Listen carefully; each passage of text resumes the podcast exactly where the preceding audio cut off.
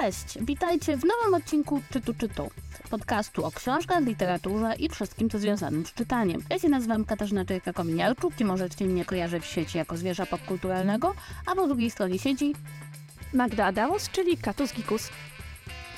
Mamy dla Was dzisiaj odcinek, który chyba jest takim odcinkiem, który się w nas zbierał, kiełkował, bulgotał, powiedziałabym, jak, taki, jak w takim kociołku. Bo będziemy mówiły o literaturze Janka Dalt i o tym, jakie przemiany przechodziła w ostatnich latach i co właściwie sprawiło, że stała się dzisiaj, no jednym z najpopularniejszych, jeśli nie najpopularniejszym gatunkiem, czy właśnie nie możemy tu mówić o gatunku, a właśnie nurtem w literaturze popularnej. Ale zanim do tego dojdzie, to oczywiście musimy Wam zdradzić, co mamy w torebce. Chociaż muszę Ci powiedzieć, Megu, że powinnyśmy przemianować ten e, fragment, ponieważ ja od bardzo dawna nie miałam te książki w torebce. Ja mam książkę w plecaku, a ty to ja nie wiem, czy to w ogóle z domu wychodzisz. to zabrzmiało jak zarzut, ale rzeczywiście nie jest on nie do końca, no, nie jest on chybiony, powiedzmy, ja rzeczywiście rzadko wychodzę z domu, ale jak już wychodzę, to z Kindlem w torebce, więc ym, ja wciąż coś tam w tej torebce noszę. Ja nie, właśnie zastanawiałam się, czy nie, nie zmień tego z książka ze stosiku, czy coś takiego, wiesz, żeby jakoś zaznaczyć naszą domowość w ostatnich miesiącach. Ale dobrze, Megu, co przeczytałaś? A więc ja teraz wrócę do książki, którą powiedzmy już trochę recenzowałam u siebie na innych kanałach, ale myślę, że ona się ładnie wpisze w nasz dzisiejszy temat. No i nie wszyscy jeszcze chyba o niej słyszeli, chociaż to jest bardzo głośna premiera Janka Dalt ostatnich tygodni, ponieważ mam wrażenie, że wszyscy o niej mówili i że wszyscy książkowi influencerzy w jakiś sposób byli tutaj zaangażowani w promocję. I jest to, nie wiem, Kasia, czy słyszałaś o tej książce? Wszyscy jesteśmy łotrami. Nie. Chociaż ty posłuchasz mojej recenzji po raz pierwszy w takim razie. Pod kamieniem.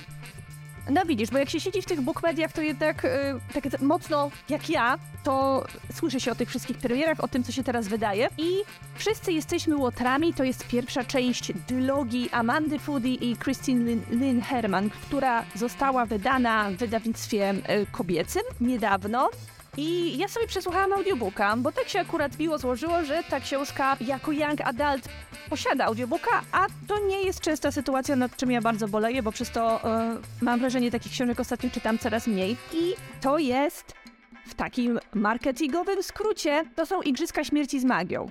A więc mamy tam jakieś miasteczko niby w magicznym świecie, w którym raz na 20 lat jedno z, pokoleń z siedmiu rodów musi się bić ze sobą o to, która rodzina przejmie władzę nad najwyższą magią i będzie nią władać przez następne pokolenie. Miasteczko się nazywa Ilvernaf i najwyraźniej jest zamieszkiwane też przez normalnych ludzi poza tymi magicznymi rodami, ale właśnie ze względu na to, że ten świat trochę poza tym turniejem nie jest do końca opisany, to ja tak naprawdę nie wiem, jak ten świat wygląda. Ale mamy te siedem rodów. I z tych siedmiu rodów oczywiście nastolatkowie, bo to zawsze muszą być nastolatkowie, są wybierani przez te swoje rody do tego, żeby stanąć w szranki w tym turnieju. Więc tak jak w Igrzyskach Śmierci, masz turniej, w którym nastolatkowie muszą się nawzajem przynajmniej w teorii, mordować, masz arenę zamkniętą, na której będą to robić i masz wielkie zainteresowanie mediów, ponieważ to jest na żywo relacjonowane,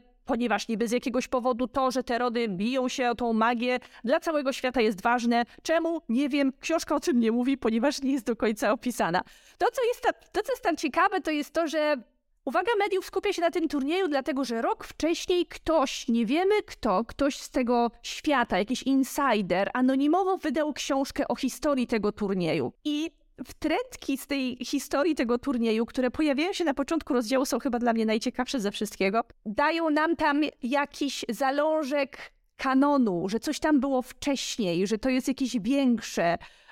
No ale Poza tymi, poza, poza, tymi wtrętkami mamy normalną fabułę, która może nie jest zbyt odkrywcza ani zbyt przełomowa. Rodów jest siedem, ale głównych bohaterów jest czwórka.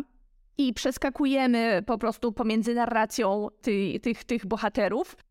Ta książka nazywa się Wszyscy jesteśmy łotrami, dlatego że oni są wyznaczeni do tego, żeby się ze sobą bić i żeby wyżynać konkurencję, ale tak naprawdę im dłużej się czyta, to dochodzi się do wniosku, że tam nie ma za bardzo tego łotrostwa. Wie, wiesz, to, wiesz, jak to wygląda? To to, um, ta książka to jest jak te wszystkie historie o seryjnych zabójczyniach w YA, które tak naprawdę nigdy w życiu nikogo nie, za nie zabiły, ale są seryjnymi zabójczyniami na dworze jakiegoś króla. I tutaj mamy tą czwórkę bohaterów. Alistair pochodzi z najbardziej znamienitego rodu, który od zawsze władał tą magią, więc tak jakby jest predestynowany do tego, żeby wygrać ten turniej, bo jest najpotężniejszy. I mówi się o nim, że jest właśnie największym złolem, wychowywanym od maleńkości do tego, żeby mordować. Ale potem się okazuje, że on tak naprawdę jest y, ciepłą bułą, która zakochuje się w pierwszej lepszej pannie, którą na tym turnieju zobaczy. Potem jest ta panna, czyli Isobel, która tak naprawdę nie do końca chce brać udział w tym turnieju, więc budzą się w niej jakieś wątpliwości, ale też jest bardzo potężną czarodziejką. W sumie tutaj nie używają takich słów jak czarodziej, czarodziejka. Trzecią bohaterką jest Bryony, która od zawsze była przygotowywana do tego, że to ona będzie mogła wziąć udział w tym turnieju, a potem się okazuje, że akcja układa się odrobinę inaczej, więc jest bardzo rozczarowana, ale ostatecznie udaje się jej na ten turniej dostać, chociaż nie z zamiarem tego, żeby kogokolwiek zabić, a jej motywacje są zupełnie inne. I na koniec mamy jeszcze Gavina. Gavin jest takim czarnym koniem, to znaczy on jest przekonany, że nie wygra, że on jest najsłabszy, nie ma szans cokolwiek osiągnąć na tym turnieju i na pewno będzie jedną z pierwszych osób, które zginą. Więc to jest fajne, że tam każdy bohater trafia na tą arenę z odrobinę innymi pobudkami i z innymi motywacjami. Rzecz w tym, że podczas gdy ta książka jest sprzedawana jako właśnie taka historia dla nastolatków pełna brutalności i walki, to tej walki tam praktycznie w ogóle nie ma a i okazuje się, że ostatecznie żaden z tych bohaterów tak naprawdę nie chce się bić. Śmierć tam jest może jedna czy dwie, wszystkie zadane przez przypadek, bo tam oczywiście nikt tak naprawdę nie chce nikogo zabić, więc to mnie w tej książce strasznie rozczarowało, bo jednak liczyłam, że będzie tej takiej akcji, którą mi obiecywali, więcej. Tymczasem sam turniej zaczyna się może w połowie książki, więc jest bardzo dużo takiego, takiego przed akcji, tam trochę poznajemy funkcjonowanie tych rodzin, dowiadujemy się, jak działa ta magia. System magiczny jest połowicznie ok. To znaczy, że tam jest bardzo ciekawe to, że zaklęcia formułuje się na takiej planszy, każdy ma odmierzoną ilość składników i system komponowania tych zaklęć i klątw jest bardzo ważny i nie każdy potrafi to robić. Trzeba mieć odpowiednie przygotowanie. Są osoby, specjaliści, którzy się tym zajmują i potem te klątwy sprzedają umieszczone w pierścieniach, żeby można było ich e, używać, więc posiadanie ogromnej ilości pierścieni to jest oczywiście to, co potem sprawia, że twoje szanse wygrania tego turnieju są większe. Jest tam oczywiście po drodze jakiś romans jeszcze, ale powiem ci, że te wewnętrzne rozkminy bohaterów i ich przeżycia i właśnie te uczucia w ogóle mi nic nie robiły, bo mimo tego, że książka jest napisana całkiem fajnym językiem jak na YA, ponieważ są takie książki Young Adult, które po prostu mam wrażenie obrażają inteligencję czytelnika czasami i widać, że one są pisane tak jakby to cała fabuła i cały język był trochę ogłupiony i zniżony do tego poziomu nastolatków, co nie jest dla mnie dobrym e, rozwiązaniem. I ja tego nie lubię, bo to, że piszesz dla młodszego czytelnika nie znaczy, że musisz mu ogłupiać książkę, ale w tej książce tak się nie dzieje. I ten język książki, ale w tej książce to nie ma miejsca i ten język myślę, że jest taki całkiem wyważony, powiedzmy, ale wciąż jest to taka wyrobnicza praca, to znaczy to jest kościół bez ducha. Ja tam, ja tam niczego nie czuję i ta książka po prostu mi nic nie robi, a tyle dobrych rzeczy się o niej nasłuchałam, że potem ostatecznie mnie rozczarowała. I ma być druga część. Ona się kończy w takim miejscu, że bardzo dużo osób narzeka, że ma wrażenie, że książka się po prostu urywa, jakby autorki wstały od biurka i odeszły i przestały pisać po prostu w takim randomowym miejscu. I ja się z tym nie do końca zgadzam. Myślę, że w jakiś sposób ta książka domyka te wątki, które chciała domknąć i robi tam jakąś podbudówkę pod tą drugą część. To jest ciekawe, że to jest dylogia, a nie taka modna trylogia, jaka zazwyczaj wychodzi w przypadku Young Adult ale ostatecznie nic mi w serduszko ta książka nie zrobiła. A Young Adult wciąż potrafi mnie w jakiś sposób zachwycić. No i niestety w tym przypadku to się nie udało, więc y, ja ją oceniłam jako takiego zwykłego średniaka, który jednak mocno korzysta z tych motywów, które wymyślił już ktoś inny. I jeszcze wiesz, gdyby wzięli motyw turnieju, bo przecież y, Susan Collins, y, autorka Igrzysk Śmierci, nie wymyśliła walki na śmierć i życie, y, zwłaszcza przez y, nastolatków. I gdyby oni wzięli ten motyw i zrobili jeszcze z nim coś swojego, dodali więcej jakiegoś, jakichś obcych czynników, to myślę, że miałoby to większą szansę, żeby mi się spodobać. A tak to za dużo tam jest rzeczy zaczerpniętych z innych książek i za mało dodane od siebie, a to, co już tam jest zrobione, to nie jest zbyt porywające i jest zwyczajnie nudne. Więc dla mnie to jest niestety tym razem rozczarowanie. To przykre, bo sam pomysł rzeczywiście brzmi bardzo fajnie i też wydaje mi się właśnie to, co powiedziałaś, że te fragmenty z historii są najlepsze. To jest w ogóle bardzo ciekawe, tak? Że czasem jest tak, że osoba jest w stanie stworzyć bardzo ciekawy świat i nie jest w stanie opowiedzieć w tym świecie bardzo ciekawej historii. To są takie czasem przypadki, że wiesz, że są jakieś elementy, które są intrygujące, ale w ostatecznym rozrachunku sama historia nie jest aż tak dobra. Znaczy el elementy, podkreślę to, że to są elementy, bo tam nie ma ciekawego świata. Tam jest mnóstwo takich zahaczek, ale tam nic nie jest rozwinięte. Ja nie mam pojęcia, jak ten świat funkcjonuje. Nie mam pojęcia, dlaczego ta magia jest taka super, żeby wszyscy chcieli się o nią bić, bo ona jest pokazywana tylko w kontekście tego turnieju, jaka ta, jako ta nagroda, którą zwycięzca turnieju zyska dla swojego rodu. Ale ja nie wiem, w jakim kontekście ona jest używana na co dzień w tym świecie, więc tak naprawdę nie rozumiem stawki. Wiesz o co mi chodzi? Rozumiem, tak, no. No cóż, jakby to, że coś dobrze wypada, jak się o to streszcza, to nie zawsze przekładać na drugą książkę. To jest... No niestety. No niestety. Słuchaj, ja czytałam coś z kompletnie innego zakresu, bo czytałam wspomnienia i to są wspomnienia, które mają ten, no, niesłychanie kontrowersyjny tytuł. Cieszę się, że moja mama umarła. To jest genialny marketingowo tytuł. No kurczę, nigdy w życiu nie przejdziesz obojętnie obok takiej książki w księgarni. Tak, ale wiesz co, jak przeczytałam tą książkę, to sobie pomyślałam, że jest to absolutnie prawdziwy tytuł. Napisała to Janet McCurdy, ona grała w iCarly, a potem w tym kontynuacji spin-offie na tej stacji Nico... Nico kto się Nickelodeon. Nickelodeon. Nickelodeon. I Megu, powiedz, jak się nazywa ta stacja? Nickelodeon. O, bardzo ładnie. Megu jest moją osobą od wymawiania nazwy tej stacji.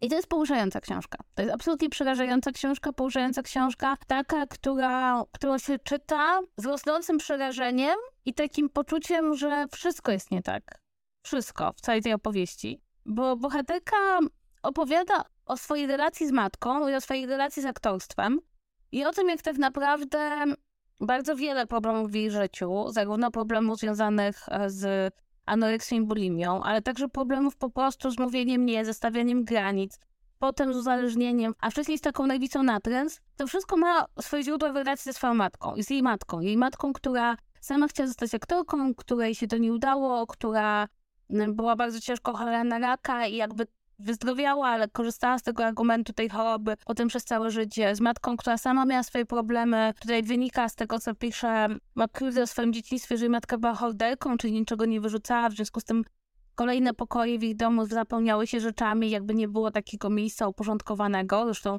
ten nieporządek, to, że to jest ciągły chaos, w którym właściwie tylko ta jej kariera jest jakimś jaśniejszym elementem, się powtarza. Natomiast coś, co mnie jakby przeraziło w tej książce, to jest coś, co ja przeczuwam. Bardzo wielu aktorów i aktorek dziecięcych nie chce grać. Ich rodzice chcą, żeby oni grali. I tutaj jest jakiś moment, w którym bohaterka próbuje się wycofać w ogóle z aktorstwa, co jest w ogóle niemożliwe. Ale też w pewnym momencie rodzina zaczęła finansowo być uzależniona od tego, że ona gra. Do tego wszystkiego patrzymy, co się dzieje na planie. Tutaj jest taka scena, w której bohaterka wspomina taki swój pierwszy pocałunek i teoretycznie nic się tu złego nie dzieje, no bo jej pierwszy pocałunek ma miejsce w serialu. I nic się to teoretycznie złego nie dzieje, to jakby chłopak, z którym się całuje jest bardzo miły.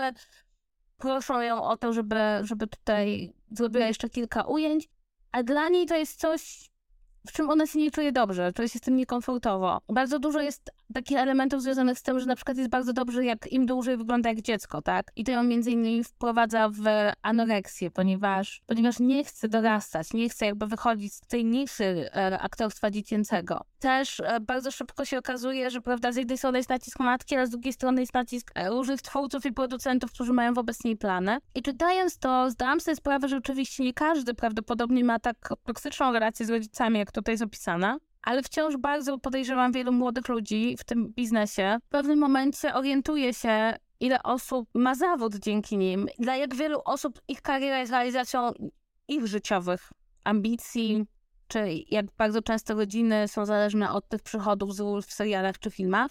I nie można się już wycofać. Mimo, że to się teoretycznie zaczyna jako zabawa, jako coś sympatycznego, jako dodatek, to w pewnym momencie staje się to po prostu praca i to taka prawdziwa praca, no bo te ci dziecięcy aktorzy muszą umieć się ruszać, muszą umieć tańczyć, śpiewać, przechodzić na te dodatkowe zajęcia z baletu, trzeba coś śpiewać, trzeba cały czas coś robić.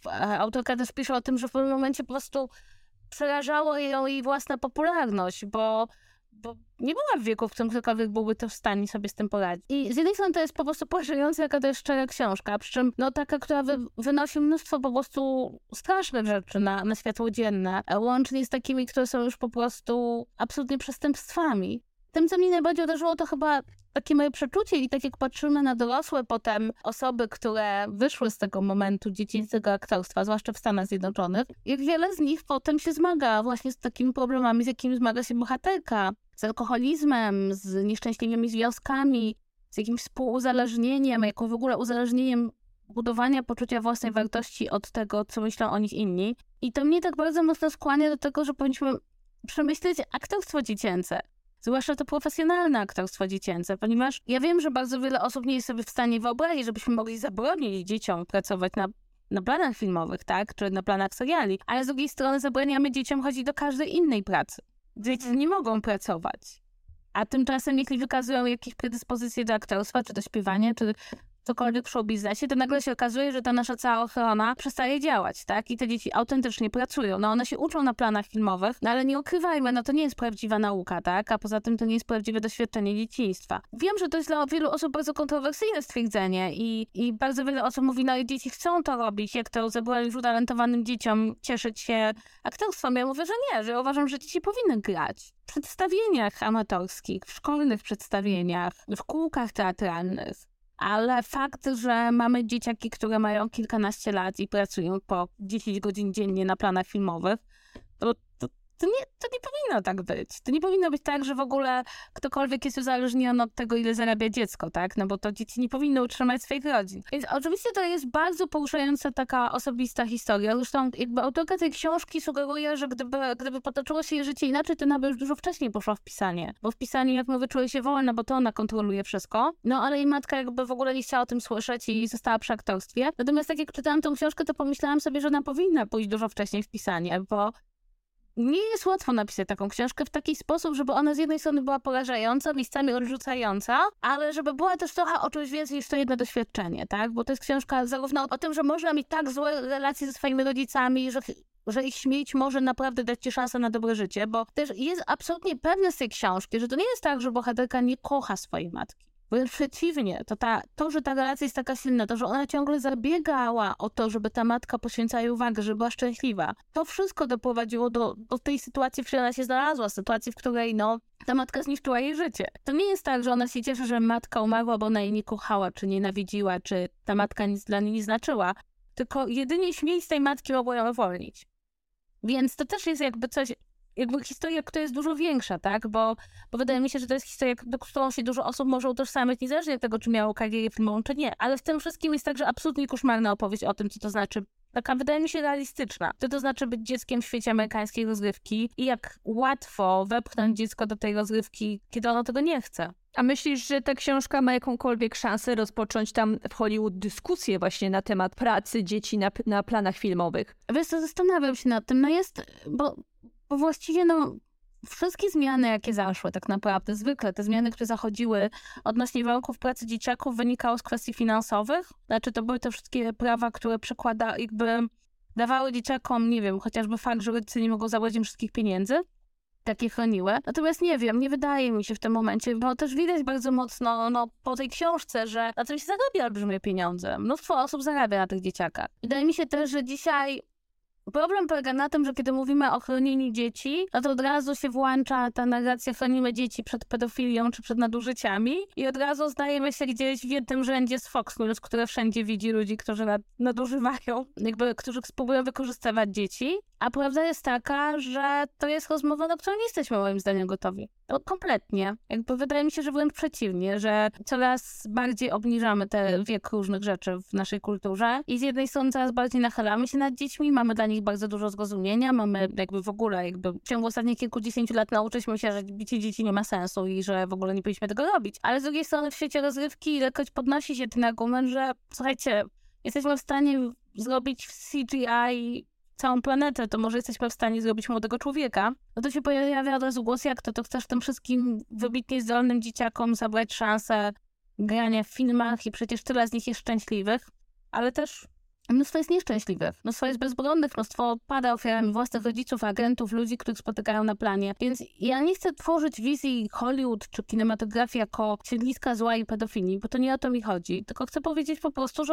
praca zawodowa nie jest dla dzieci, tak? A to jest praca zawodowa. Ja, być może ta książka mnie uderzyła, bo ja już od dłuższego czasu jestem na to bardzo wyczulona. Jestem bardzo wyczulona na tę narrację, bo to zastanawiam się nad, nad pewną naszą moralnością, tak? Że to jest ta grupa, o której bardzo mało mówimy w tym kontekście. Bardzo sobie lubimy mówić, że te dzieciaki wszystkie chcą i lubią grać. To jest ten, wiesz, pierwszy argument, że one to tak bardzo lubią, one tego tak bardzo chcą, tak bardzo o tym marzą. Ale z drugiej strony, wiesz, no myślę, że są dzieci, które marzą, żeby być astronautami a nie wysyłamy ich na szkolenie dla astronautów, tak? Ja nie mam nic przeciwko rozwijaniu tych umiejętności, zdolności, talentów, tylko uważam po prostu, że no, że no chociażby te, te seriale dla dzieci są problematyczne i zresztą jeśli spojrzysz na dzieciaki, które wyszły z tych e, seriali Disneya, właśnie tej drugiej stacji, której nazwy nie umiem wymówić. Nickelodeon. To bardzo wiele z nich się potem okazuje ma problemy, tak? Problemy z prawem, problemy emocjonalne. Ale to nie są tylko aktorzy, którzy wychodzą z tych dziecięcych e, nie, kanałów. Nie, mamy najsłynniejsze przypadki e, typu Daniel Radcliffe, Macaulay Culkin, gwiazdy dziecięcych przebojów kinowych, które zawsze mają potem za sobą epizody alkoholowe, narkotykowe i generalnie rzeczy, z których musieli grubo wychodzić na terapii, więc to, to nie jest nowy problem, prawda? I on nie, się o tym mówi i, i nic się z tym i nic się z tym nie robi. A teraz, nie wiem, ja e, zaimplementuję wam taką wizję w głowie, że jak myślimy o o y, Disney Channel albo o właśnie Nickelodeon i ich y, programach, to wyobrażamy sobie taką bezpieczną przystań dla młodego widza, w którym on może znaleźć treści, które będą dostosowane do niego. Ale pomyślmy jednocześnie o tym, że te wszystkie seriale aktorskie są po prostu stajnią, do której wpycha się młodych ludzi, młodych aktorów, ich tam jest mnóstwo i oni tam muszą harować po to, żeby potem w mediach kreować taką wizję tych rodzinnych kanałów, pełnych rodzinnych treści, a z czym oni się na co dzień muszą zmagać w tej pracy? To dla mnie to jest przerażające. I co więcej, bardzo dużo tych dzieciaków właśnie potem albo odchodzi, albo wyrasta, albo ma problemy, albo nie wiem, nawet sam fakt, że bardzo wiele z nich bardzo szybko bierze śluby i potem się bardzo szybko rozwodzi, jakoś w jakimś takim uciekaniu w dorosłość, czy...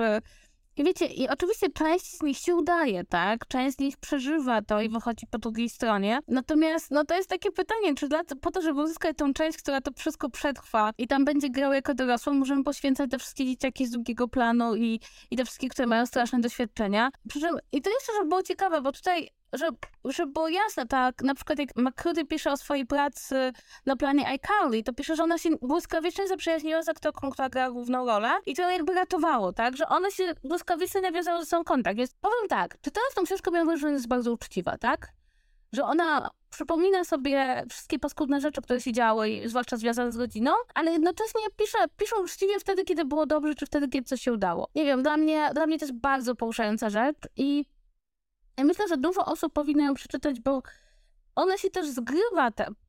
Znaczy, powiem tak, Charles McCurdy żyje i mogła napisać tą książkę jako żywa osoba. Bardzo wiele osób, które mogłoby napisać tą książkę, nie żyje. Bo gdzieś tam po drodze, prawda, wydarzyły się różne rzeczy i, i to też jest dla mnie takie jakieś poruszające, bo, bo jest coraz więcej tych materiałów, tak? Nie wiem, czy to cokolwiek zmieni, tak? Czy, czy się czegoś nauczymy. Zdumiła mnie to, że opowiadamy sobie smutne historie Judy Garland, którą tak straszliwie męczyły wytwórnie filmowe i, prawda, nie pozwalały jej dorosnąć i dawali jej najpierw środki uspokajające, a potem środki pobudzające i pilnowali jej wagi, ale nie mam wrażenia, żeby to, co opisuje Janet McCurdy odnośnie, nie wiem, pilnowania wagi na przykład było czymś, czymś bardzo innym, tak? Ja pamiętam, wszystkie, wszyscy pamiętamy, jak wyglądały te gwiazdki, tak? Jak wyglądały te dziewczyny w tych w serialach młodzieżowych, prawda? Grające dużo młodsze osoby, czy muszą być drobne, muszą być szczupłe, muszą nie wyglądać na swój wiek. No to jak to się osiąga najlepiej, tak? No jak nie jesz, to jak nie, nie tyjesz. Więc to są wszystko takie rzeczy, które są dla mnie po prostu poruszające, ale sensie to jest dobrze napisane. Ja, ja myślałam, że to będzie źle napisane, wiesz? Ale ja właśnie ja jestem ciekawa,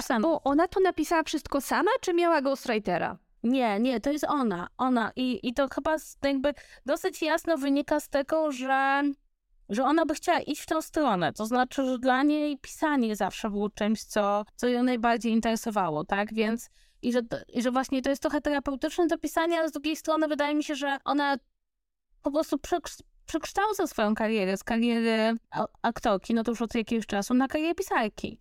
I czytając tę książkę miałam wrażenie, że spotykam się z pisarką, która opisuje swoje doświadczenie jako aktorki, a nie aktorką, która próbuje cokolwiek napisać. I możemy tutaj zrobić chyba dosyć dobre przejście z naszego tematu głównego, bo ty mi powiedziałaś, co mnie szokowało, że ta książka w ogóle pojawiała się w promocji jako literatura młodzieżowa. To znaczy, ona nie tyle jest pokazywana jako literatura młodzieżowa, ale była promowana na profilu Pruszyński-Young, czyli na, tym ich, na tej ich odnodze, która jest kierowana do młodzieży i która jednocześnie wydaje książki młodzieżowe. I to jest taki zalążek tematu, który myślę jeszcze e, tutaj dzisiaj omówimy. To znaczy, jak zmieniła się granica tego, co możemy promować dla młodzieży, co możemy reklamować młodzieży i jak w ostatnich latach granica samego young adult jako gatunku wytyczonego w pewnych ramach wiekowych również się upłynniła. Bo y, jeżeli ktoś siedzi i w tym rynku wydawniczym i to obserwuje, no to z pewnością zauważył, że pewnego rodzaju treści, które dawniej nie miałyby miejsca w takich książkach, dzisiaj znajdują się w nich o wiele częściej. I nawet nie tyle, że to jest określane young adult, ale po prostu różne książki, które normalnie byłyby kierowane po prostu dla dorosłych, które dawniej byłyby kierowane po prostu dla dorosłych, dzisiaj próbuje się sprzedać jako te młodzieżowe, że może, może jednak młodzieży też tutaj zareklamujemy, może oni by to kupili. I to jest bardzo ciekawe i myślę, że y, dla rynku wydawniczego dosyć y, istotne zjawisko. Tak, no bo mamy od dobrych paru lat. Ja nie jestem do końca w stanie wskazać, który to był rok, w którym to określenie Janka Dal zaczęło robić tak niesamowitą karierę. To Wydaje mi się, że około 2016, tak? tak Oj, powiedziałam, że nawet wcześniej, no bo Janka Dal jako taka, y, jako osobny gatunek powiedzmy, czy tam kategoria wiekowa, no to na pewno w Polsce się o tym nie mówiło przed y, latami, y, przed 2012? Tak, druga dekada XXI y, wieku. U nas to zawsze były młodzieżówki, ale też zauważmy, że mam wrażenie, że w Polsce to, co wchodziło w obręb powieści młodzieżowej, to było kierowane do o wiele młodszego czytelnika niż to, co z definicji jest uznawane za young adult w Ameryce. A jakoś tak jeden do jednego przeszczepiło się u nas tą kategorię tak trochę nie przystosowując się do polskiego rynku. Tak, bo to jest e, w ogóle bardzo ciekawa rzecz. Bo tak, sam, sama kategoria Young to w ogóle jest kategoria, którą wymyślili na początku bibliotekarze, żeby mieć jakąś możliwość wyróżnienia książek w bibliotekach. Natomiast w Polsce rzeczywiście zawsze istniała literatura młodzieżowa. Literatura młodzieżowa w Polsce o tyle jest ciekawe, że ona obejmuje, powiedziałabym, tenników tak od 11 do 16 lat, dlatego że literaturą młodzieżową mogą być, nie wiem, książki Niziuskiego, czy Pan Samochodzik, to jest literatura młodzieżowa, no ale powiedzmy Małgorzata Musierowicz, to też jest literatura młodzieżowa. Czy Siesicka, to są te książki, które myśmy czytały, jak byłyśmy młodzieżą i byłyśmy młode i piękne. Natomiast Young Adult przede wszystkim jedną rzecz, którą wydaje mi się tutaj bardzo rozróżnia, no bo to jest kwestia tego, jaka jest definicja nastolatków, tak? W ogóle, prawda? To z, jest dosyć śmieszne, ale przez to, że u nas na u nas o, jeden, o 11 mówi się nastolatki, bo jest 14, tak? 15. Natomiast w Stanach Zjednoczonych to jest to od 13 roku życia, bo wtedy jest teen. I wydaje mi się, że to jest rzecz, która u nas jest tak ciekawie przesuwa nam te i nastolatki, i te Janka Dalt, i tą młodzież jakby ona się zaczyna u nas wcześniej. Natomiast to Janka Dalt to rzeczywiście to są takie książki, które już nie są dla dzieci, już nie są dla tych 10, 12, 11 latków, jeszcze nie są dla dorosłych, tak? Jeszcze jest coś, co je odróżnia. No i ja myślę, że gdybyśmy miały znaleźć jakieś książki starsze w polskie, które mogłyby pasować do Young Adult, no to tak się zastanawiam. Polskie książki? Tak, ale z tych, które my tak naturalnie nazywamy jako młodzieżówki, a mogłyby się pasować do Young Adult, żeby było taki dobry punkt odniesienia. I próbuję teraz myśleć. Żeby to było coś poważniejszego. Znaczy, coś takiego, co moim zdaniem mogłoby wyjść jako Young Adult. To, to znaczy, ja ci na przykład podam e, taki jeden przykład. To jest książka którą ja czytałam jako książkę młodzieżową, kiedy miałam, yy, no nie wiem, jakieś 12-13 lat i dzisiaj, kiedy sobie o tym pomyślę, to mam taką myśl, że o rady, co to było? I to była, była taka seria, pisała ją Marta Fox. Jeden, yy, jedna książka nazywała się paulina.doc, druga książka nazywała się magda.doc. I to było o nastolatce, która zachodzi w ciąży ze swoim chłopakiem, a potem ma romans z jego ojcem. Ale ja kojarzę, kojarzę autorkę. Znałaś tej serii? Tak, to jest bardzo znana seria. Kojarzę autorkę. No to by było coś takiego, czyli to nie jest tak, że w ogóle ten rodzaj literatury nie istniał, natomiast e, rzeczywiście to pojęcie Janka Dalt pojawiło się w Polsce, no właśnie, gdzieś tak, ja myślę 2012, koło tego roku coś takiego się zaczęło. Potem było trochę tak, że kojarzono ten rozwój Janka Dalt, popularności Janka Dalt z tym, że właśnie Igrzyska Śmierci były bardzo popularne, a je się zalicza do Janka Dalt też w jaki sposób Harry'ego Pottera zalicza się do Janka Dal, te późniejsze tomy. Ja bym właśnie Harry'ego Pottera y, uznała za ten taki przełomowy moment, który pokazał ludziom, że u, literatura dla dzieciaków, a potem dla młodzieży jest fajna, bo, bo przez to, że to była seria, no to ona najpierw zaczyna, z, zaliczała się do literatury młodzieżowej, a potem wraz z dorastaniem bohaterów i dorastaniem przez to czytelników stała się literaturą młodzieżową.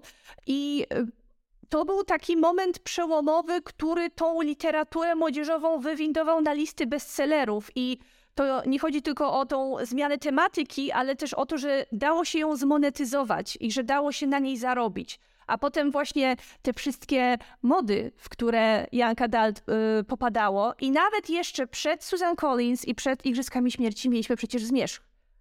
No tak, rzeczywiście.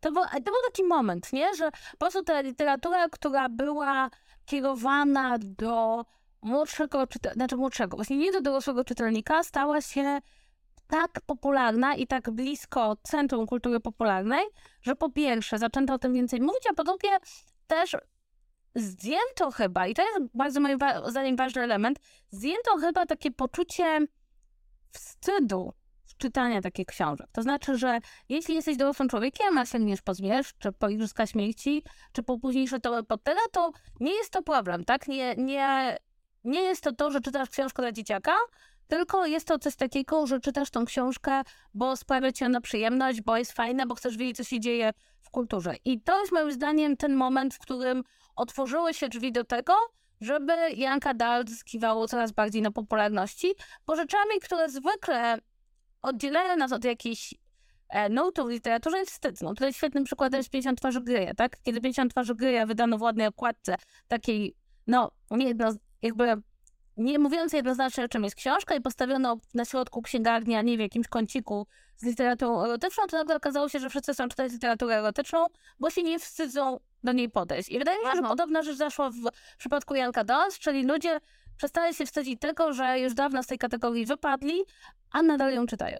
Tak, i w tym momencie nikt się już tym nie przejmuje i właśnie w kontekście dyskusji o rozwoju Janka Dalt bardzo często przywołuje się takie badania, które zostały przeprowadzone w 2012, więc to już jest dosyć dawno i ja myślę, że te proporcje się mogły mocno zmienić od tamtej pory i to były badania, które wyliczyły, że ponad 50% czytelników literatury Janka Dalt to są osoby od 18 roku wzwyż a że e, w ogóle tam e, taki przedział od 20 któregoś do 30 któregoś roku życia odpowiada za e, większość sprzedaży w tym segmencie.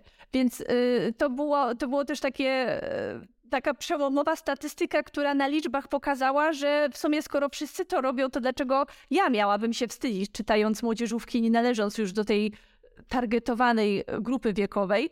I jestem skłonna założyć, że w tym momencie, po tych 10 latach, ta proporcja jest jeszcze inna i że tych dorosłych czytających literaturę młodzieżową jest jeszcze więcej niż to 50%. Też mi się tak wydaje. Mam takie poczucie, że dzisiaj bardzo dużo też dyskusji o książkach toczy się wokół literatury młodzieżowej. Bardzo dużo literatury młodzieżowej jest też ekranizowanej, co dodatkowo sprawia, że dużo osób po nią sięga. Też jest to literatura chyba, ja mówię tutaj chyba, najbardziej promowana. To znaczy przez to, że e, potencjalni odbiorcy są obecni w internecie i bardzo chętnie z niego korzystają, no to rzeczywiście bardzo się tą literaturę promuje. Ale wydaje mi się, że to, co zaszło na przestrzeni tych no, kilkunastu lat tego drastycznego i szybkiego rozwoju Janka Dart, e, to fakt, że wydawnictwa zaczynają robić coś, na co ty zwróciłeś uwagę, ale ja też. Czyli już nie chodzi o to, co jest w książce i do kogo była kierowana pierwotnie, ale czy możemy ją sprzedać jako Janka Dalt, ponieważ Janka Dalt się dobrze sprzedaje. I dochodzimy do sytuacji, w której coraz trudniej nam powiedzieć właściwie, czy książka jest rzeczywiście kierowana do młodzieży, ale mogą ją przeczytać wszyscy, czy też autor czy autorka napisali książkę, którą teraz sprzedaje się nam jako taką, która potencjalnie jest kierowana do młodzieży. Tak, i no jest to problem. To jest coś, na co ja bardzo często zwracam uwagę w internecie, bo nie podobają mi się takie, moim zdaniem, nieuczciwe praktyki wydawnictw, że książki, które są ewidentnie, no, z definicji nie nadające się dla młodzieży, y, w takim sensie, że to nie powinien być ich główny target, jednak są reklamowane w taki sposób, żeby działania marketingowe odbierała głównie młodzież. Tak? I y, to też się wiąże z pojawieniem się na rynku jeszcze jednej kategorii wiekowej, i to jest w ogóle strasznie ciekawy temat, bo jeszcze mamy tą kategorię New Adult, tak? Czyli Young Adult, według tej amerykańskiej definicji, to jest literatura wciąż bardzo szeroka, bo dla osób mniej więcej od 12 do 18 roku życia oni to tak definiują. I wiesz, kurczę, dwunastolatki interesują zupełnie inne rzeczy niż osiemnastolatkę, ale to wciąż jest y, według definicji Young Adult. I w 2009 roku jedno z wydawnictw, bodajże St. Martin Press, zaproponowało wprowadzenie New Adult, które by obejmowało jako target osoby od 18 do tego 25 roku życia, że to ma być taka kategoria przejściowa pomiędzy literaturą młodzieżową a literaturą stricte dla dorosłych i opowiadać o ludziach, którzy dopiero przestali być y, nastolatkami i tak jeszcze nie potrafią się y, odnaleźć w życiu, więc to jest taka, taki moment tych większych decyzji, dorastania, odrywania się od rodziców, y, pierwszych takich samodzielnych różnych kroków w życiu. I, I to bardzo ładnie brzmi, ale im dłużej patrzę na ten rynek i to, jakie książki są właśnie oznaczane jako New Adult, to tym częściej myślę, że główna różnica, podstawowa różnica odróżniająca Young Adult od New Adult polega tylko i wyłącznie na tym, że w New Adult są sceny seksu. I to takie bardziej szczegółowe niż w Young Adult, bo to nie jest tak, że w Young Adult seks w ogóle się nie pojawia. W ostatnich latach pojawia się go o wiele więcej, ale powinien być opisywany zupełnie inaczej niż e, te sceny, które się w New Adult pojawiają. Tak, wydaje mi się, że Love Hypothesis, o którym mówiłam, to jest taki przykład New Adult, czyli jest książka, która mogłaby spokojnie być jako książka Young Adult, poza tym, że jest jedna scena łóżkowa, która jest taka, powiedziałabym, bardziej ze szczegółami i jest kompletnie z czapy w tej, w tej książce, ale to jest inna sprawa. Natomiast w ogóle to jest bardzo ciekawe, to znaczy literaturze Young Adult bardzo wiele wybaczamy. Ponieważ opowiada o młodych ludziach i problemach, jest bardzo literaturą gatunkową. Jest literaturą, w której właśnie bardzo często wykorzystuje się wielokrotnie te same pomysły. Bardzo są popularne książki w takich settingach fantasy. Sama mówiłaś, że bardzo popularne są trylogie. Bardzo dużo jest takich elementów typu właśnie tropy, wybrane bohaterki, wybrańcy, którzy przeżywają. No i ogólnie jest takie założenie, że ta literatura młodzieżowa, ta literatura dziecięca też bardzo mocno się na tych tropach, gatunkach, przetworzeniach opiera i my to jej bardzo wybaczamy. To znaczy, jeśli dostajemy kolejną trylogię o dziewczynie, która wydawało jej się, że jest zupełnie normalna, ale okazało się, że musi uratować świat, to nie wzdychamy ciężko, tylko bierzemy tą książkę, dajemy okejkę i mówimy, no dobra, zobaczymy, jak ty to robisz. Natomiast w literaturze, wydaje mi się, dla dorosłych bardzo wiele osób stawia większe wymagania. Oczywiście istnieje literatura gatunkowa i nikt się nie domaga, żeby ktoś wymyślił, nie wiem, romans czy kryminał na nowo, ale jednak tych wymagań jest więcej. Jakby mamy poczucie, że ta literatura dla dorosłych to powinna być jednak już nam oferować więcej prawdy o życiu.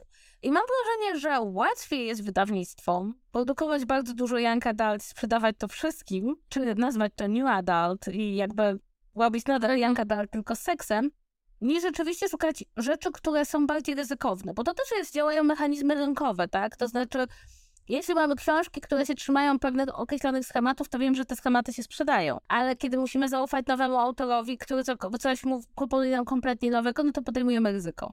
Tak, a Young Adult jest właśnie bardzo znany z tego, że to jest taka kategoria, która żyje modami. Tam co parę lat masz falę popularności nowego tematu, który jak się pojawi w jednej książce, która odniesie sukces, to masz gwarancję, że pojawi się również w 15 innych i po prostu wyjdzie ci z tego cały nurt. Kiedyś wyszły raz te Igrzyska Śmierci, które zredefiniowały gatunek i wprowadziły modę na dystopię i teraz, kiedy ktoś pisze taki, takie, taką książkę Wszyscy jesteśmy łotrami, to y, ten turniej, w którym nastolatkowie się mordują, to już jest motyw, który wykorzystujesz w swojej prozie po prostu pod siebie i jakoś próbujesz z tym zrobić coś nowego. Więc e, najpierw miałeś przełomowy pomysł, który wywrócił gatunek do góry nogami, a teraz to jest po prostu jeden z motywów, tak jak to jedno łóżko albo enemies to lovers, tak jak wiesz, ktoś kiedyś wymyślił raz to enemies to lovers i wyobraź sobie, że kiedyś to było przełomowe, a teraz a teraz, a teraz jest to wszędzie. No i, no i masz te wszystkie mody w Young Adult, jak to, że były te romanse paranormalne po, zwie, pa, paranormalne po zmierzchu, że były te dystopie po e, Susan Collins i Igrzyskach Śmierci. Potem było co? Potem... Serge Nas i te i trony i teraz był, był taki moment to, to jest mo mo moment na epicką fantastykę w Young Adult i rzeczywiście to wciąż się utrzymuje, ale to już powiedzmy tak myślę, że y, spokojnie już od 10 lat mniej więcej y, trwa. W międzyczasie była taka, y, nie wiem, czy zauważyłaś, krótka popularność tak zwanego siklitu, czyli literatury obyczajowej o ludziach śmiertelnie chorych i nastolatkach tak, naszych sobie tak, zakupują. Był, był, był, grali to, tak, grali to. Przy czym na mnie ogólnie nie ma nic złego w literaturze młodzieżowej. Ona też bardzo dużo robi dobrego, chociażby Janka Dalt a propos mód w ostatnich latach bardzo mocno skierowało się ku opowieściom o reprezentantach mniejszości, także takich, którzy nie byli reprezentowani dotychczas za bardzo w literaturze, bo pojawiło się bardzo dużo postaci niebinarnych, postaci trans, czyli jest tutaj coś nowego, czego nie było. Natomiast co budzi moje pewne zaniepokojenie i zabrzmi to straszliwie. Ja czasem brzmię w tym podcaście jak taki stary dziad autentycznie. I zabrzmi teraz jak stary dziad. Otóż to mamy już po 30, no co poradzimy? Ja też tak brzmię. Ja, ja przepraszam, ja zabrzmię jak jakiś stary dziad, nie wiem, z jury jakiegoś konkursu literackiego. Otóż nie, nie widzę nic złego popularności Janka Dalt i nie widzę też nic złego w czytaniu Janka Dalt jako dorosły czytelnik, ale mam wrażenie, że jest to jakaś próba nie, trzymania nas w pewnej niedojrzałości. To znaczy takiej literackiej niedojrzałości, w takiej niedojrzałości spotkania z tematami, postaciami, bohaterami. I jasne, ja też czytałam czasem powieści dla młodzieży, dla młodzieży czy to Janka Dalt, czy New Adult, ale jednak mam wrażenie, że ten rynek wydawniczy jest nam powiedzieć sekundkę, jestem dorosłym czytelnikiem, dojrzałym czytelnikiem, czytelnikiem, który ma już za sobą jakieś doświadczenie, jakieś książki, co dla mnie. Nie chcę pozostawać cały czas. Fajnie czasem uciec, poczytać sobie jakiś Young Adult, prawda? Natomiast ja mam wrażenie, że to zamiast ucieczki stało się nasze główne pole przebywania. I pod względem marketingowym, i też bardzo często pod względem książek, o których się bardzo dużo mówi, zwłaszcza w internecie. Mówię, wiem, że brzmi jak dziad z nagrody literackiej. Zdaję sobie z tego sprawę, ale, ale widzę, trochę mnie to niepokoi. Mam taką roboczą tezę nad którą sobie na razie myślę, ale może powinnam znaleźć więcej przykładów, żeby jakoś ją uwiarygodnić. I ta robocza teza brzmi tak. Ja powiem ci, czego ja szukałam w tej całej literaturze Young Adult, kiedy ja jej czytałam o wiele więcej niż teraz. To były fajne historie fantazy z bardzo mocno zarysowanym wątkiem romantycznym. I teraz te y, historie y, mają własny osobny gatunek, to się nazywa romantazy i to jest w tym momencie bardzo popularne, ale to właśnie wciąż obraca się w obrębie young adult i new adult. Więc w tych historiach jest bardzo mocny nacisk kładziony, mam wrażenie, na elementy erotyczne, które już y, niekoniecznie mnie jarają.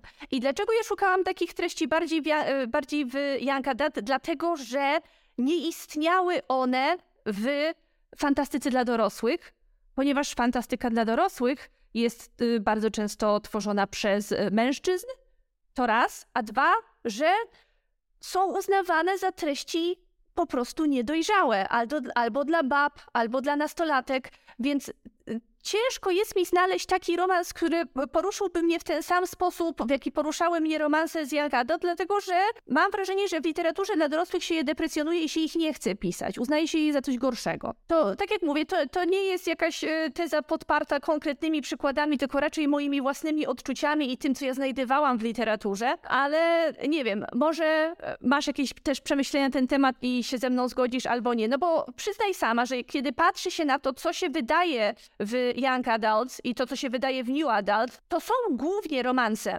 Głównie romanse fantasy w tym momencie. Tak, chociaż z drugiej strony nie masz wrażenia, że to jest taki kółko, z czego się nie jesteśmy w stanie wyrwać. To znaczy, zamiast powiedzieć sobie, chcę czytać romanse, jako dorosła czytelniczka, mam do tego prawo, nie ma nic złego w literaturze pisanej przez kobiety, potencjalnie dla kobiet. Idziemy w literaturę młodzieżową, zamiast przyznać się, że możemy inaczej spojrzeć na literaturę dla dorosłych. Znaczy, ale yy, bo ja mówię o tym, że po prostu takie tematy w tej literaturze dla dorosłych bardzo ciężko jest znaleźć. No tak, dlatego, że zostały wypchnięte do literatury młodzieżowej, bo wstydzimy się w niej w literaturze dla dorosłych. Znaczy, wydaje mi się, że to jest taki, zamiast przemodelowanie naszego myślenia o literaturze, to jest taki plasterek na ranę. To znaczy, jak ktoś mi je napisze w tej literaturze dla dorosłych, to ja będę je czytać, tak? Tylko, że nikt mi ich nie chce napisać. No tak, ale teraz ich nikt nie napisze, dlatego, że wszyscy uciekli do Janka Dalt. Znaczy, mam wrażenie, że tutaj jest kwestia tego, że mm, ta rosnąca popularność Dalt, przynajmniej moim zdaniem, jest przede wszystkim zjawiskiem bardzo mocno rynkowym i bardzo mocno wynikającym, jakby im więcej wiemy o mechanizmach działania wydawnictw, im więcej wiemy o tym, jak one się boją ryzykować, jak one kreują sobie odbiorców, jak one kreują rynek, tym bardziej widzisz, że bardzo często jest tak, że powiedzmy ktoś mówi, chce napisać romans paranormalny, ale chce go napisać dla dorosłych. A ja mówię, nie, słuchaj, nie, nie, to nie chodzi dla dorosłych. Słuchaj, no, tą scenę seksu się wytnie, a nie, to się zostawi, Słuchaj, ona tutaj ma 32 lata, a mogłaby mieć 16. A nie, on ma 200 tysięcy lat, to niech zostanie, niech zostanie. No, to w porządku, to w porządku. No i co, sekundkę z pracy ją wywalili, a nie mogłaby do liceum chodzić, ale i tak będzie tylko przez trzy rozdziały do tego liceum chodziła, a potem będzie uwięziona w zamku, wiesz. Zastanawiam się, bo ja mam też takie wrażenie, że to też tak działa, nie? Że pomiędzy pomysłem ludzi, pomiędzy ich pragnieniem napisania czegoś, a tym, co wydawca chce wydać, dzieją się bardzo różne rzeczy. Więc mam też takie poczucie, że wiesz, że być może nikt ci nie napisze tego, co chciałabyś widzieć dla dorosłych, dlatego że wydawcy już wiedzą, że czyta, przeczytasz to, jak to będzie Janka Dalt i łatwiej jest pójść w tą stronę. O to mi chodzi. Rozumiem, okej, okay, rozumiem, rozumiem. I, I tak, jak najbardziej się z tym zgadzam. To są też takie komentarze, które y, słyszałam już wiele razy o tym obniżaniu wieku bohaterów e, po to, żeby się je dało wepchnąć do e, kategorii young adult, więc e, tak, jak najbardziej się z tym zgadzam. No bo to jest taka kategoria rzeczywiście bardzo popularna, w której najłatwiej jest, mam wrażenie, wypromować bestseller, głównie dlatego, że ma bardzo zaangażowanych, emocjonalnych, czy emocjonalnych to tak trochę brzmi deprecjonująco, ale ma bardzo zaangażowanych odbiorców, którzy są wiele w stanie poświęcić i yy, dla, dla, dla, dlatego, żeby o tej książce mówić i ją podawać dalej, zwłaszcza jak się stanie popularna na BookToku. To już, to już w ogóle. No i też z tej kategorii ona w pewien sposób, powiedzmy, definiuje to, co jest modne nie tylko w literaturze, ale ogólnie w całej popkulturze, bo jeżeli potem mamy już tą ekranizację, to popularność danego tematu wylewa się poza granice samych książek, więc potem już mamy filmy, potem już mamy seriale, więc dlatego też tak cisną wydawcy na to, żeby te książki się ukazywały jako, jako young adults. Tak, zresztą powiedziałabym, że to chyba jest, miałobyśmy diagnozować jakieś szersze zjawisko kulturowe, e, coś co wychodzi poza literaturę. Być może się w tej literaturze zaczyna, ale jak spojrzymy na przykład na najpopularniejsze produkcje Netflixa, to gdzieś tam będzie na samej górze Stranger Things, bardzo wysoko Wednesday, czy ponownie historie o młodzieży, historie często tak jak Wednesday, osadzone w bardzo popularnych tropach e, kulturowych w tym sytuacji, czyli ona też chodzi do szkoły i też ma te problemy szkolno-licealne. Więc dla mnie po prostu jest to bardzo ciekawe, jak to zjawisko tego koncentrowania się na młodzieży, przez to także, że młodzież jest bardzo zaangażowana, tak jak mówisz, jest zaangażowana w internecie, jest zaangażowana też fizycznie, byłam na targach książki, to takich hołd młodzieży to ja od lat nie widziałam, to to wszystko jakby ciąży w kierunku młodzieży. Tylko rzecz, która mnie zastanawia, czy kiedyś wyrośniemy z Janka Dalt, myślisz? To znaczy, czy kiedyś ta młodzież na przykład, która już w tym momencie jest wychowywana na tych, tym nowoczesnym Janka Dalt, prawda, takim bardzo mocno grającym na granicy gatunku, kiedyś to Janka Dal to puści i powie, nie, słuchajcie, no dobrze, to czytaliśmy jak mieliśmy naście lat, teraz mamy 30, chcemy zupełnie czego innego. Myślę, że wyjdzie, o ile będzie dostawała podobnego rodzaju treści w tej dojrzałej, dojrzałej literaturze, no tak jakby, Jezu, ja wiem, jeżeli ktoś teraz usłyszy, że ja powiedziałam dojrzała i się oburzy, że czy to znaczy, że młodzieżowa literatura jest niedojrzała, to nie. Nie, proszę, nie, nie obrażajcie się na mnie, ale o, o, to mi chodzi, że muszą dostać podobnego rodzaju treści w literaturze, którą uznajemy dla dorosłych, czy, ta, czy tam choćby, żeby był jakiś taki okres przejściowy, żeby e, mogli do tej literatury dla dorosłych przejść. Ale e, widzisz, no ja jestem przykładem takiej osoby, która tej literatury młodzieżowej jako nastolatka czytała mnóstwo, i teraz wciąż ją podczytuję, na pewno o wiele mniej niż kiedyś. I to nie jest mój y, główny y, rodzaj książek, jaki, po jakie sięgam, ale wciąż jednak w jakiś sposób po nią wracam. Więc jeżeli te osoby, które w tym momencie zaczytują się w literaturze młodzieżowej, przejdą tą samą drogę i za parę lat też będą tak, y, tak miały jak ja, to znaczy, że je, jednak jedną nogą wciąż w jakiś sposób w, tej, w tych młodzieżówkach będą siedzieć. A to w ogóle jest bardzo ciekawe, jak tutaj. Mm, musimy zaznaczyć, że nie chodzi nam o niedojrzałość, choć przecież, i tutaj po prostu koniec o, słuchalności tego podcastu, choć przecież na niedojrzałość jest wpisana w opowieść dla nastolatków. Bo na tym między innymi polega pewna, pewien problem tego wieku, pewien problem tego okresu rozwoju, że bardzo chcesz już być dojrzałą osobą, a nie masz jeszcze tej wiedzy, kto nadaje ci dojrzałość, jesteś osobą niedojrzałą. I znaczy jesteś głupi, tylko że jeszcze pewne rzeczy ci się nie przytrafiły w życiu, pewne doświadczenia. I to jest takie ciekawe, tak, że my bardzo nie chcemy bardzo nie chcemy tego słowa, prawda? Boimy się go.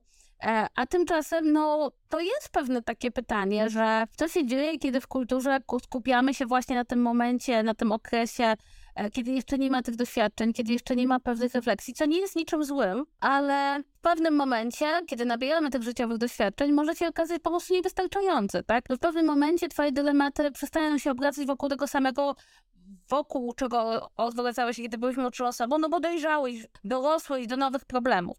Więc po prostu to też jest bardzo ciekawe. Jakby ja tutaj, żeby było jasne, ja uważam, że absolutnie młode osoby należy traktować z olbrzymim szacunkiem i nigdy nie należy e, mówić ani źle z założenia, tylko dlatego, że są młode i wielokrotnie o tym pisałam w sieci, ale jednocześnie no to jest trochę, że trzeba któregoś dnia wyjść z bańki problemów nastolatków i wejść w bańkę problemów dorosłych ludzi. No to New Adults miał to też trochę oferować, tak? Bo rzeczywiście myślę, że problem od 20 czy miało, czy 25-latków istnieje. Czy miało to znaczy, ja ci powiem, y, że im dłużej myślę nad kategorią New Adult, to ja sobie dochodzę do wniosku, że ona nie powinna istnieć dla mnie. Ale to jest głównie związane z tym, że ja widzę, że ona jest wykorzystywana do wielu nadużyć w marketingu. To znaczy, dlatego, że New Adult i Young Adult brzmią podobnie, w piśmie wyglądają podobnie, ludziom się wydaje, że to jest albo to samo, albo że dosłownie te kategorie różni tylko kroczek od siebie, więc właściwie treści tam się niewiele od od siebie różnią. No i potem mamy takie sytuacje jak teraz, że na profilu wydawnictwa, które w nazwie ma Young Adult, jeżeli sobie wpiszę tam w bio, że wydają też książki New Adult, to uważają, że to jest dostateczne wyjaśnienie, dlatego żeby jednocześnie na swoim profilu promować literaturę stricte młodzieżową i erotyki o gwałtach i traumach, ponieważ to jest New Adult, więc jest wszystko w porządku. No dla mnie to nie jest w porządku. Poza tym Dlaczego istnieje w ogóle kategoria Jakada? Dlaczego istnieją młodzieżówki? Ponieważ jest jakiś rodzaj treści skierowanych do młodszego odbiorcy, żeby one były, żeby ten młodszy odbiorca był chroniony przed treściami, które jeszcze się dla niego nie nadają. A przed jakimi treściami mamy chronić ludzi, którzy są w tym przedziale wiekowym do New Adult od 18 do 25 roku życia? Wiedzi, że będą mieli kredyt i będą pracować od 9 do 17 do końca swojego życia?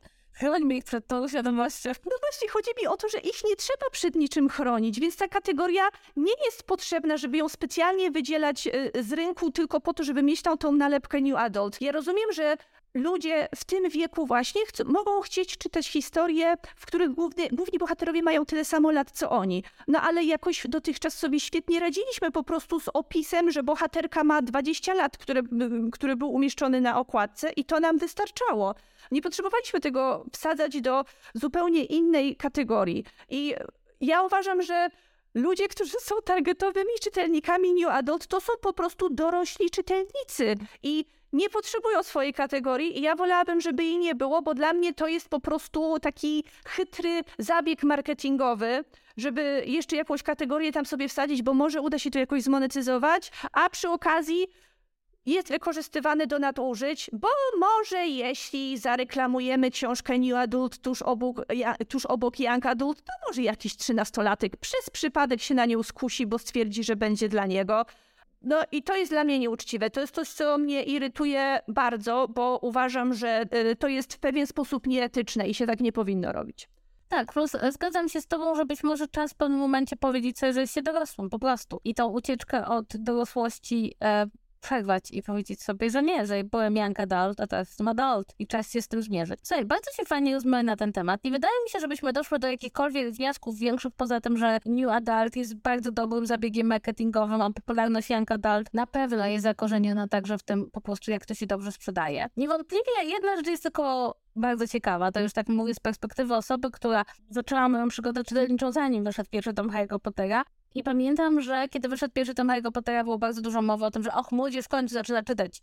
Jakby oderwaliśmy ich od tych telefonów, od tych komputerów i też... Wtedy jeszcze nie było takich telefonów, żeby się w nich siedzieć. Tak, żebyśmy tam siedzieli na od tych komputerów, od tych gier, to gry komputerowe, największych był czytania i młodzież czyta. A teraz tak naprawdę mamy sytuację, w której jest, co możemy zrobić, żeby ludzie, którzy już nie są młodzieżą, nadal czytali tak jak młodzież, bo to młodzież czyta i, i się w to angażuje, między innymi korzystając z tego strasznego internetu, żeby opowiadać o swoich książkach. Więc jest to dla mnie bardzo ciekawe, bo to, co miało być takim znakiem czasów, że młodzież nie czyta, staje się znakiem czasów, że młodzież czyta.